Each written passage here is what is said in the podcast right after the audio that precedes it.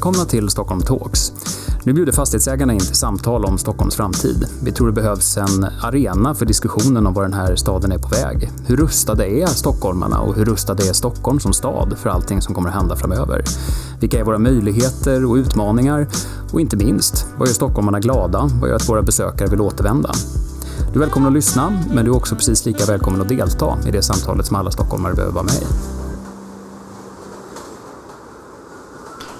Varmt välkomna till Stockholm Talks. Eh, vi kommer inför jul, helger, nyår och eh, in på det nya året eh, att träffa några intressanta personer och vi kommer göra det med en utgångspunkt. Vi kommer att trotsa de dystra tiderna som finns lite grann när väldigt mycket av diskussionen om Stockholms framtid handlar om nedstängningar, skolor som har undervisning på distans, krogar som stänger tio. Vi kommer lyfta fram ett antal personer, företag som tillför staden någonting.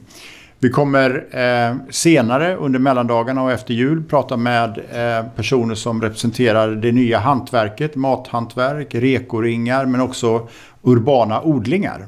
Och först ut i denna mer optimistiska serie och intervjuer om framtiden är eh, Simon Strandberg som är marknadschef på Budbee. Och med mig här också har jag Helena Olsson som är stadsutvecklingsexpert på Fastighetsägarna i Stockholm. Varmt välkommen också.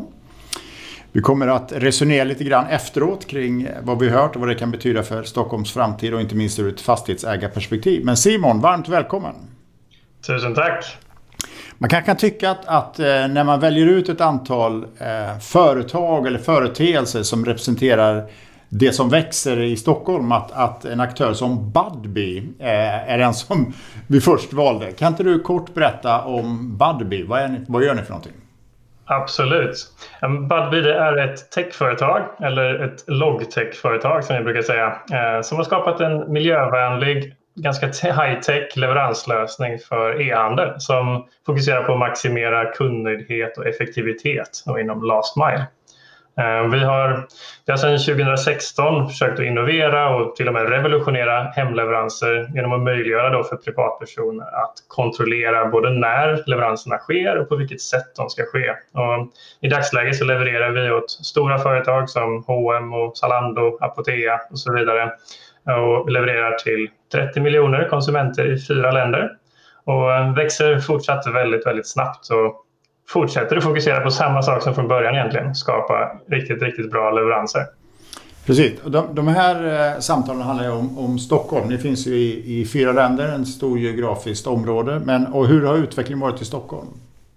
Ja, vi, vi började ju i Stockholm och har vårt eh, huvud, huvudkontor här i Stockholm. Eh, så Stockholm ligger oss ju extremt varmt om hjärtat. Och I Stockholm så har vi två stycken eh, större terminaler förutom vårt, eh, vårt kontor där våra leveranser utgår ifrån. En i södra delen av Stockholm och en i nordvästra delen av Stockholm.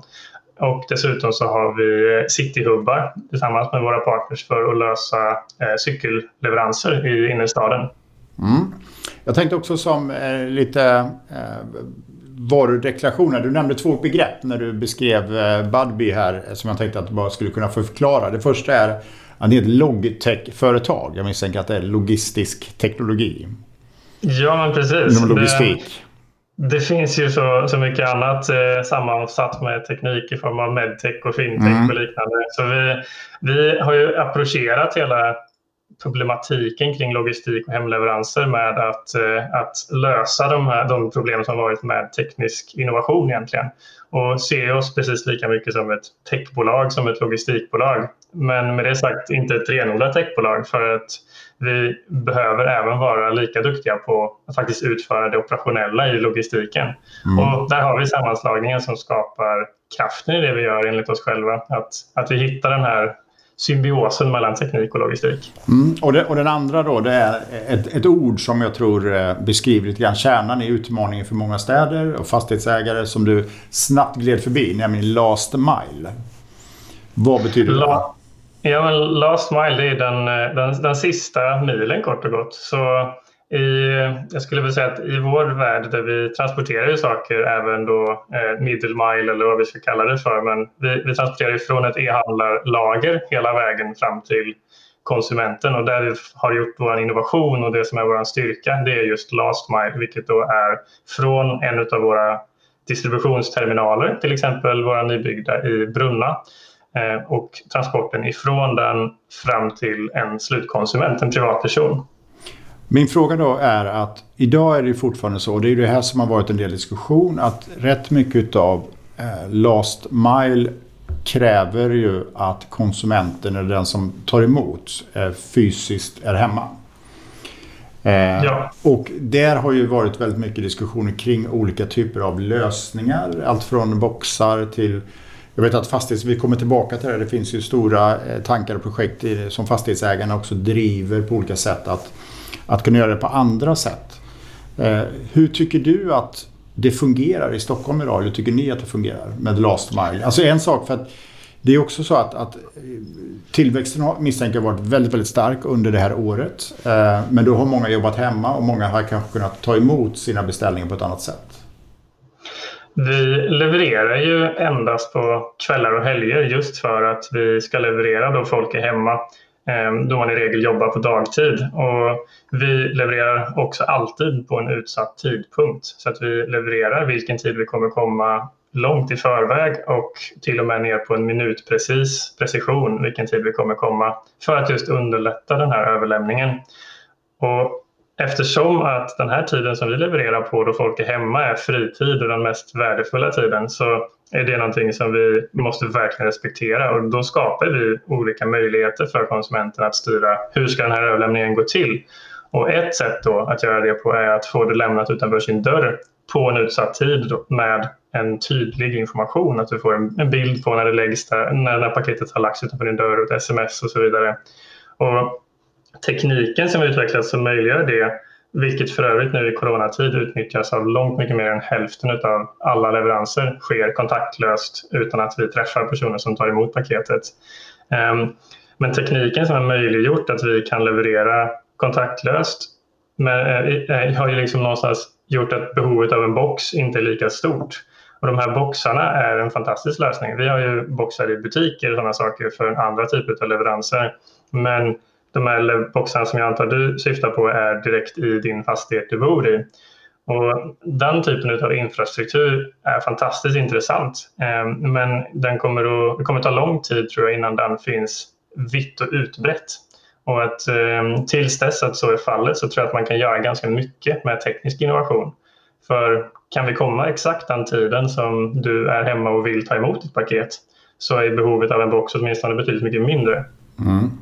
Och jag tänker så här att om du, om du blickar framåt några år. För vi hade eh, för några omgångar sedan så hade vi ett av Stockholms borgarråd här och diskutera. Och personen i fråga uttryckte en ganska stor oro att de har sett att andelen eh, lätta lastbilar som är dieseldrivna ökar ganska mycket i Stockholms innerstad.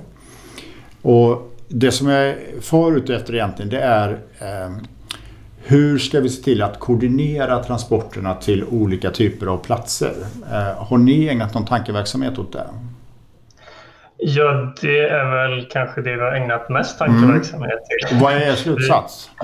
Um, nej men så att för det första då, så vi har byggt en, att ingen människa kan koordinera och planera det på ett, på ett bra sätt utan vi har byggt en, eh, en algoritm, en maskin, maskininlärningsalgoritm eh, som lär sig själv och analyserar på miljontals parametrar hur vi bör strukturera kvällens leveranser. Och vi gör det på nytt varje dag för alla dagens leveranser. Och då tar vi hänsyn till allt ifrån väderlek och trafikflöden, vilka typer av paket och, och individen som faktiskt ska köra och så vidare. För att alltid ha hög fyllnadsgrad men också se till att vi, vi inte beger oss in i områden där trafiken är, är tät till exempel utan att vi försöker att invänta tidpunkter då det är mindre trafik. Och dessutom så har vi då gjort så att vi i innerstäderna har, eh, i Stockholms innerstad så levererar vi med leveranscykel och elbilar. Vi har för övrigt ungefär 97 procent just nu eh, fossilfria leveranser. Så vi kör ju i princip ingenting på vanlig diesel eh, dessutom. Så för oss så har vi ju, vi har ju strategiskt placerat våra hubbar och sen så använder vi eh, data för att planera våra rutter så optimalt det bara går. Och vi 3D-skannar alla paket för att veta hur de ska få plats i respektive bil eller cykel. för att maximalt utnyttja eh, resurserna som finns på, till tillhanda egentligen. Och hur upplever, du att, eller upplever ni att Stockholm är som stad? Är, är Stockholm en, en, eh, en bra stad? Känns det som att staden är tillåtande, positiv? Eller hur är det att verka i Stockholm? Skulle Stockholms stad kunna göra någonting för att ytterligare underlätta?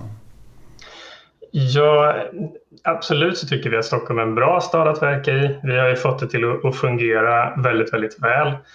Men om man, om man tittar på, på vad som skulle kunna utvecklas så, så finns det väl eh, saker man kan, man kan snegla på, på andra städer. Ehm, det som för oss är väldigt, väldigt viktigt i att kunna göra både miljövänliga och kundfokuserade leveranser är ju både att det finns en, en väldigt bra infrastruktur för laddning av elfordon att det finns bra cykelvägar och att staden tillåter ganska stadsnära terminaler att kunna utgå ifrån. För gällande just det kring att terminalerna är nära centrum så har man en terminal nära stadskärnan så kan budcyklar cykla till och från terminalen till alla delar av den centrala stadsmiljön. Vilket underlättar både för oss och möjliggör en trevligare citymiljö. Och om man behöver ha, som vi behöver ha i Stockholm, en liten hubb i centrum med cykelleveranser så eh, behöver man ju fortfarande få paketen till den här cityterminalen. Och eftersom att e-handeln växer och är stor och det är ett eh, populärt fraktsätt så blir det ganska stora volymer så det krävs ju tung transport in till citykärnorna. Både dit och tillbaka. Så att jag tror att, att alla, alla önskar ju mer cyklar i centrum och färre lastbilar i centrum. Och där tror jag att Stockholm kan inspireras av till exempel Amsterdam eh, som enligt oss har kommit mycket längre i både kring laddmöjligheter, laddstolpar, men också cykelvägar och att vi har eh, möjligheten att nyttja centrala logistikterminaler som, som möjliggör att vi kan, vi kan cykla hela vägen från terminalen till kunden och inte ha en, en omlastning så att säga. Det känns också som att det här eh, angränsar väldigt mycket till det som kallas för mikromobilitet. Fast eh, vi har ju tidigare haft bland annat Voi som gäst här och pratat om mikromobilitet kopplat till persontransporter. Mm. Men att hela ditt resonemang är väldigt likt så att säga det resonemang som man hör från hela diskussionen som finns exempelvis i Paris om 15 minuters staden. Eh, där det finns, nu vi hör till Sverige en diskussion om, i del mindre städer om att inga transporter ska ta längre än 10 minuter om du vill till arbetet, förskolan, eh, handla och så vidare. Mm. Upplever du att finns det, är, detta, är det ni gör, är det del av någonting större som också inbegriper mikromobilitet, elektrifiering eh, eller är ni mer liksom logistik? Det är att frakta produkt från A till B?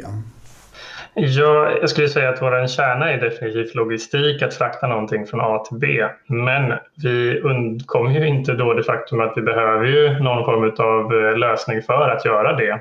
Och där kommer den här infrastrukturen som du nämner och de här aspekterna in i bilden. Så att vi, vi, vi är ansvariga för att göra det både på ett hållbart sätt och för att utveckla hela den branschen kring att, att faktiskt flytta det från A till B. Och där är ju den tekniska innovationen vi har gjort det är en sak, men, men också att se till att man anser till att, att implementera cykellösningar, elbilslösningar, fossilfria eh, diesellösningar, vad det nu kan tänkas vara. Um, jag vet inte om jag helt var med på, på frågan. Nej, men frågan är man kan egentligen ta frågan en, ett, ett steg till och ställa så här. Att det vi ser nu, det ena är ju det som driver å ena sidan. Det är ju en förskjutning från traditionell handel till e-handel. Eh, det är en förskjutning från att, att använda eh, som gå på restaurang till att använda urbana tjänster på ett annat sätt. Eh, men och någonstans kan man säga att, att det här är något som förändrar stadsbilden, som förändrar en stad.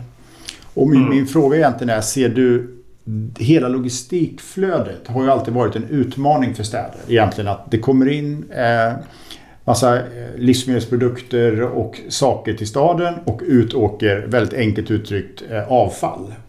Och sen hittar man ett sätt att, att säga, hantera den strukturen. Vi kommer ha gäster i det här programmet senare nu under jul så där vi också pratar om liksom, exempelvis att odla i staden. Så väldigt mycket transporter sker ju inom staden, de här mer korta mikrotransporterna som är kortare. Men ser du att det ni gör, är det en del av en större förändring av våra städer? Ja, det är det nog helt säkert delvis. Vår våran verksamhet sträcker sig även utanför själva citykärnan. Så att vi, vi har ju med det att göra definitivt, men, men inte, inte helt och hållet. Och en, en sak som skiljer oss åt från kanske aktörer som då ska från utifrån stan in i stan med någonting. Vi levererar ju miljontals paket eh, i månaden och varje dag då så ska vi leverera tiotusentals paket i Stockholmsregionen. Och då kan ju våra algoritmer designa, vi behöver inte åka tomt så att säga in till stan utan vi kan ju bygga rutter som, som levererar saker längs vägen till stan för att också nå stan på en lämplig tidpunkt exempelvis då trafiken är, är mindre hektisk. Så att eh, på så vis så försöker vi kanske mer just nu att anpassa oss till stadens tempo och eh, eh möjligheter och utmaningar för att mm. göra det så, så smidigt som möjligt. Och inte och, påverka eller påverkas så mycket av stadens krafter. Och om man säger så här då, om, man, om vi blickar framåt, säg 3, 4, 5 år, ändå överblickbart framåt. Tror du att eh, logistikflöden, om vi använder det begreppet, kommer att se väsentligt annorlunda ut i Stockholm då än vad det gör nu? De kommer väsentligt, ja, det är svårt att, svårt att säga om, men jag tror definitivt att det kommer att... Eh, Eller om vi börjar så här, ligger det i er analys att vi kommer få se en fortsatt dramatisk ökning av e-handel i Stockholm? Det tror jag definitivt. Både, både e-handel i sig och hem, hemleveranser av e-handel. Ehm, innan Babby tog sig an e-handels hemleveranserna för fyra år sedan så, så var det ju 1 mindre än 1 av alla konsumentleveranser från e-handeln som gick med hemleverans. Utan standarden var att man gick till ett, till ett ombud eller en tobakshandlare eller livsmedelshandlare och hämtade upp sina varor. Och e-handeln växer ju lite olika vem du frågar, men mellan 10 och 20 procent per år. Vi som historiskt bara erbjudit hemleveranser växer med 100 till 200 procent per år och det finns fler aktörer eh, som konkurrerar med oss. Så att, att hemleveranserna växer extremt mycket snabbare än e-handeln som i sig växer väldigt snabbt är, är, är givet så att säga datan. Um, så ja, det tror jag absolut kommer fortsätta växa. Gör man riktigt, riktigt bra hemleveranser och gör vardagen smidigare för människor i Stockholm så kommer nog folk att fortsätta välja det. Mm. Och frågan är om inte också eh, folk kommer vara beredda att betala för det också framöver. Att man ser att det finns ett mervärde när man inte behöver köra eller släpa hem eh, det man handlar. Men det är ju någonstans ett, ett, en, en, annan världsbild och det är det jag menar, det är en annan stadsbild. Ett annat sätt att agera och vara i staden. Jag tänkte, mm. jag tänkte be Helena som sitter med här, du jobbar ju med stadsutvecklingsfrågor. Mm. Och jag är mycket väl medveten om att den här så kallade last mile-problematiken är någonting som fastighetsägare, enskilda men också fastighetsägarna har funderat på. Vad är din reflektion till eh, vad du hör Badby säga? Ja, men det är många och om vi börjar i, eh, i det stora i staden så tycker jag ju att det blir väldigt tydligt just detta hur, hur, hur viktigt det blir med när vi ser, liksom, vi ser växande städer, Eh, hur löser vi framkomligheten? För fastighetsägare så handlar ju läget, brukar vi alltid prata om, men egentligen handlar det ju om tillgängligheten. Och det är tillgänglighet både för våra egna behov att transportera oss, men också våra varor såklart. Och när vi går mot eh, en tid då, där färre vill ha en egen bil till exempel, så blir det ju ännu viktigare att också ha den här eh, logistiklösningen för de varor vi behöver ta hem om vi börjar i den ändan. Eh, I den lilla världen så handlar det ju, tycker jag också det är väldigt spännande att den här logistikbranschen som är så gammal och vi har transporterat saker i städerna i alla år genom tiderna. Så det är ändå så att den logistikbransch som vi har sett traditionellt har ju sedan, är utformad enligt 50-talets hemmafrumodell, det vill säga just den här eh, att man levererar någon gång under dagen. Det gäller ju fortfarande. Därför är det så viktigt att det kommer in nya företag med, med ett nytt tänk i konsumentfrågan. För det tror jag är liksom i stadsutveckling är det jätteviktigt att utgå från människors behov och önskemål. Mm, jag tänker också så här att, att eh, han nämner ju egentligen tre frågor här som är viktigt i en stad för att få det här flödet verkligen att fungera. Möjligheten till laddning, cykelvägar och möjligheten till stadsnära terminaler. Du som har haft mycket erfarenhet och relationer med Stockholms stad och säger de frågorna. Hur skulle du säga att Stockholm står sig i de här frågorna? Men jag tror att det finns ju ganska hög, högt satta eh, ambitionsmål när det gäller både klimat och miljö. Eh, och Stockholm har ju en tradition av att ligga i framkant där. Eh, men det är ju ingenting man liksom, eh, kan luta sig tillbaka kring. Man måste ju hela tiden vara på tårna. Eh, och, eh, jag, jag, tänker lite grann under pandemin mm. så har vi ju sett om man tar London mm. och hela UK med Boris Johnson har gjort enorma utspel om kraftig satsning på cykelbanor. Paris ligger väldigt, jobbar väldigt hårt. Ottawa, det finns en hel del städer som har extremt högt satta ambitioner. Som ju delvis också märkligt nog drivs av att man vill få bort folk från kollektivtrafiken av smittoskäl. Men man hör inte så mycket av det i Stockholm. Nej, och det tror jag vi behöver. Eh, och jag tror att det kommer bli ett ökat tryck på det. Man har liksom tyckt, man upplever sig och säger sig satsa på cyklister till exempel. Men det är ju ändå så, vi ser ju ändå att det fortfarande är restposten i trafikbilden. Utan där det finns plats för cykelbana så är den bred och där den inte eh, finns plats så är den smalare. Och där tror jag att man behöver tänka om och vara lite mer offensiv och verkligen fundera på Eh, hur, får vi, hur kan människor ta sig fram? Jag cyklade hit idag, det regnar. Och det, men men det är fakt vi har ju också blivit bättre på att cykla året runt. Och inte minst under detta året så har vi börjat cykla även i regn.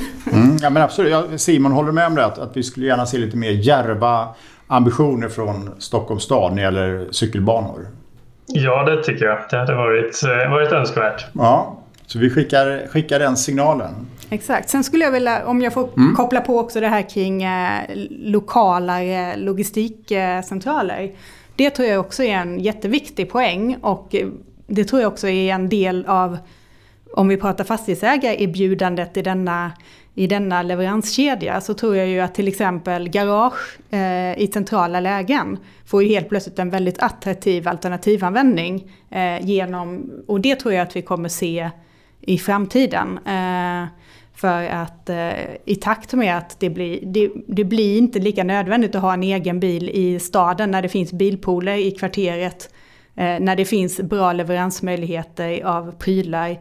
Då, då minskar behoven av egen bil ganska mycket och då är ju det här ett väldigt eh, smart sätt att, eh, att helt enkelt utnyttja ytan i garaget på ett bättre sätt. Mm. Jag tänker Simon, du nämnde ju här Amsterdam tidigare som eh, en stad som man gärna kunde titta på. Helena, finns, har du någon stad du tycker att eh, som är lite grann en föregångare i det här att, att bejaka den här liksom, både den här nya typen, nya tidens transportsystem, men som också egentligen, för vad som också ligger underbyggt här, det är ju att, att också ha en bejakande syn på att entreprenörer och teknologi ska få faktiskt spela en roll att påverka stans utveckling. Ja, jag tycker ju till exempel det är alltid svårt att hitta det felfria exemplet, men jag tycker Helsingfors har ju kommit ganska långt och, och vill, har ju en väldigt hög ambitionsnivå när det gäller just eh, alltså, eh, startups kring just mobilitet. Eh, och sedan tycker jag också att eh, tyska städer i södra Tyskland och så har också kommit ganska långt just kring det här kring mobilitetshubbar och så vidare. För det tror jag, jag tror ju att vi måste tänka inte bara liksom leverans av varor utan att vi måste koppla på just privata liksom behovet av bilpool, taxi, hyrbil, eh, cyklar och lastcyklar kanske på ett enda ställe och där det också finns leveransmöjligheter. För då kan man också få in det i sin vardagslogistik. Det är inte alltid att Eh, konsumentperspektivet kan ju vara att man vill ha det hemlevererat men ibland kanske man inte vill ha det hemlevererat utan man vill ha det nära någon annanstans där man rör sig. Och det tror jag är, där är man ganska duktig i, har man kommit ganska långt på det spåret. Jag vet också att man testar i Oslo nu en eh, mobilitetshubb med just eh, kopplat till kollektivtrafik, eh, logistik, leveransboxar, även coworking. Mm. Och, eh, Men är det, driv, är det drivet av politiken eller av aktörerna? I Oslo är det kommunen tillsammans mm. med eh, kollektivtrafikbolaget, eller vad man ska säga. Eh, och det är, det är ju lite olika. Jag tror att alltså kommunerna har ju tagit ett hyfsat stort eh, eller, mm. eh, initiativ både i Helsingfors och i Tyskland också till exempel. Och det handlar ju egentligen om att man ser det som en infrastruktur, precis som att vatten i ledningarna är en infrastruktur så är liksom eh, trafiknätet en infrastruktur där man sedan har olika aktörer som opererar. Mm. Bra, jag tänkte Simon om du, om du blickar framåt eh, och tänker sig, eh, vi har berört det lite grann, men eh, hur ser du att, att eh, om vi tänker primärt Stockholm men kanske andra platser också ni verkar, att, att eh, Se, vad ser du för utveckling framåt? Vi pratar om att e-handeln ökar. Vi pratar om att eh, vi hittar transportsystem som bygger mer på, som är mer konsumentnära. I ert fall att ni levererar de facto när människor är hemma. Är det någonting annat du ser framför dig som ligger i korten? Om ni tänker, vad är Bud? När Budbee tänker, hur vill vi utveckla vår tjänst och produkt för att bli ännu mer effektiv och kanske öka kundnyttan? Vad tänker ni då? Jag tror att det handlar i grund och botten om, det är flera parametrar, men dels om att kunna göra en tjänst som är mer, där makten flyttas till konsumenten. Att, eh, att kunna med teknik överbrygga de operationella utmaningar det innebär att du som mottagare kan, kan kontrollera mer var, när och hur kommer min leverans att gå till och ske. Ehm, vi kommer kunna komma ganska långt med, eller väldigt långt med den teknik som, som vi själva kan äga. Men sen kommer vi vara beroende av ett samarbete med att önska konsumenten till exempel att vi ska leverera någonting till deras ytterdörr och de bor i ett flerfamiljshus så kommer vi behöva komma in genom porten ut mot gatan och då behöver vi ta oss in där.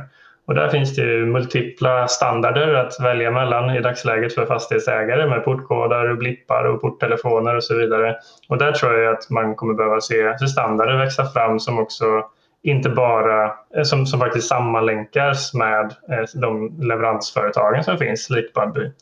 Ehm, sen så tror jag också mycket på alltså att hållbarhetsfrågan, att den är otroligt viktig för för framtiden. Att infrastrukturen i städerna verkligen byggs ut kring, kring eh, att möjliggöra elektriska transporter i mycket större utsträckning än vad det är idag. Vi har fått investera själva i solcellspark och i laddstolpar för att kunna försörja vår elflotta på ett bra sätt och för att vi har möjligheten. Men det är fortfarande ingen chans att vi kan bygga ut det som krävs för att, eh, för att göra hela den elektrifiering som jag, jag tror vi, vi rör oss mot berör en elektrifiering. Men Helena tänkte också så han, han berör det här med fastighetsägare, standardisering, hur man kommer igenom porten. Det här är ju liksom den yttersta utmaningen i Lost Mile-problematiken också. Kan du berätta lite grann, vad, hur upplever du att tankegångarna är hos era medlemmar, alltså fastighetsägarna, mm. de stora? Ja, men den är ju väldigt central eftersom fastigheten i sig är ju en, en plattform för väldigt många transaktioner. Leveranser och service och tjänster som, som rör sig in och ut i fastigheten. Eh, som ju fastighetsägaren faktiskt upplåter fritt egentligen. Eh, och sedan handlar det ju, och det är ju en fråga som han, är ju det, hur kan man, kan man bli en partner i detta, i den affären som ändå transaktioner som finns där. Eh, det är ju sådana saker som man funderar lite kring. Eh, eftersom man har ju en intäkt och det är hyran. Men kan man hitta nya sätt? Och, och liksom, då frågar jag Simon, skulle ni vara beredda att eh, diskutera sådana möjliga lösningar tillsammans med fastighetsägarna? Diskutera absolut, men jag ser en, en samtidigt en stor, eh, eh stor liksom tveksamhet kring att vi skulle betala för att konsumenten skulle öppna dörren till sitt hem. Eh, någonting som vi inte behöver göra i dagsläget. Eh, utan det är ju fortfarande er hyresgästs intresse att få sina varor på ett smidigt sätt. Eh, så att den kostnaden hade ju bara gått tillbaka på hyresgästen. Så då kan ni lika gärna lägga på den pengen på, på hyran. Fast det är ju det man inte kan. eh, nej men absolut. Men sen finns det ju en annan bit och det är ju mm. just den här trygghetsfrågan. Men bara, mm. Är detta en fråga som är central och viktig för fastighetsägarna? Är det många som ägnar tanke, just energi detta, åt detta? Just detta, ja. Det mm. finns ett intresse och funderingar mm. kring det. Men det är ju kopplat också till andra delar. Det vill säga så här, hur ser vi till att vi har en... Alltså, trygghet i boendet till exempel är ju en viktig sak och liksom ha koll på vilka som går i, i fastigheten. Eh, och därför har vi också, vårt eh, servicebolag har ju utvecklat en, en, en låslösning med mobil som heter Accessi där man just kan dela ut eh, de här och få en öppen access. Så att man, det handlar ju dels om eh, företag som, som rör sig i fastigheten, att man liksom kan ha kontroll av det fastighetsägaren och inte att, via hyresgästen till exempel. Men det handlar ju också om att man kan dela ytor på ett mycket eh, smartare sätt eh, genom att tilldela accesser till en lokal till exempel så att flera kan nyttja den under olika tider och så vidare. Mm, som allt handlar väldigt mycket om tillit. Absolut, och smarta lösningar det är ju, det är ju liksom det som är den stora, och det är ju det som också Budbee har hittat liksom, just det där hur digi, det digitala gör det som många tycker är liksom långt ifrån människan egentligen är just det som är vi människor. Eh, att smart data är ju, handlar ju om att komma närmare människor och faktiskt eh, läsa dem helt enkelt. Absolut, och sen så tror jag, nu ska vi inte kanske bara hylla ett enskilt företag här, men, men att faktiskt våga vara riktigt eh, kund och konsumentinriktad i en bransch som har präglat av ett väldigt industriellt eh, processtänkande. Det är intressant när liksom den perspektivet teknologi tar sig in i en stad.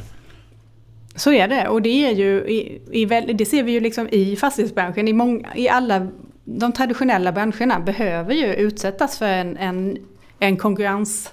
Eh, och, och, när man börjar från scratch kan man ju tillgodogöra sig det nya på ett annat sätt. Mm. Och det får man väl hoppas också skapa bättre lösningar på i, i helheten. Absolut.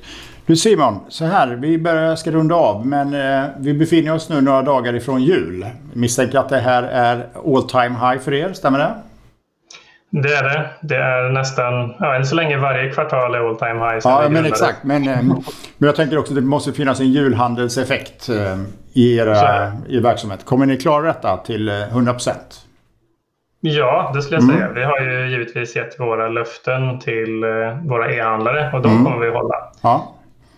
Nej, men här för att det som är intressant med stadsbilder nu, det, är ju, det ser man ganska mycket i flöden i sociala medier, att plötsligt så förbyts liksom bilder av butiker som är trånga till utlämningsställen, tobakshandel och andra, där vi har enorma köer.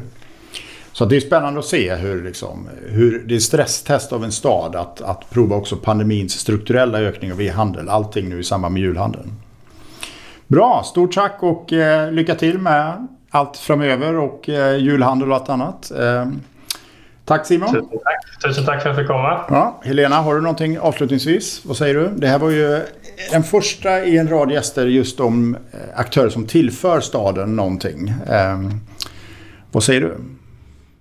Nej, men, och så tror jag att det, det alltid är. Just det här att titta på att nya eh, idéer präglar staden. Och det är ju någonting som är, alltid händer i en stad. Mm, men det är också intressant. Ibland så brukar man betrakta eh, branscher där det finns väldigt dominerande aktörer och dominerande sätt att göra saker och ting som valar. Mm.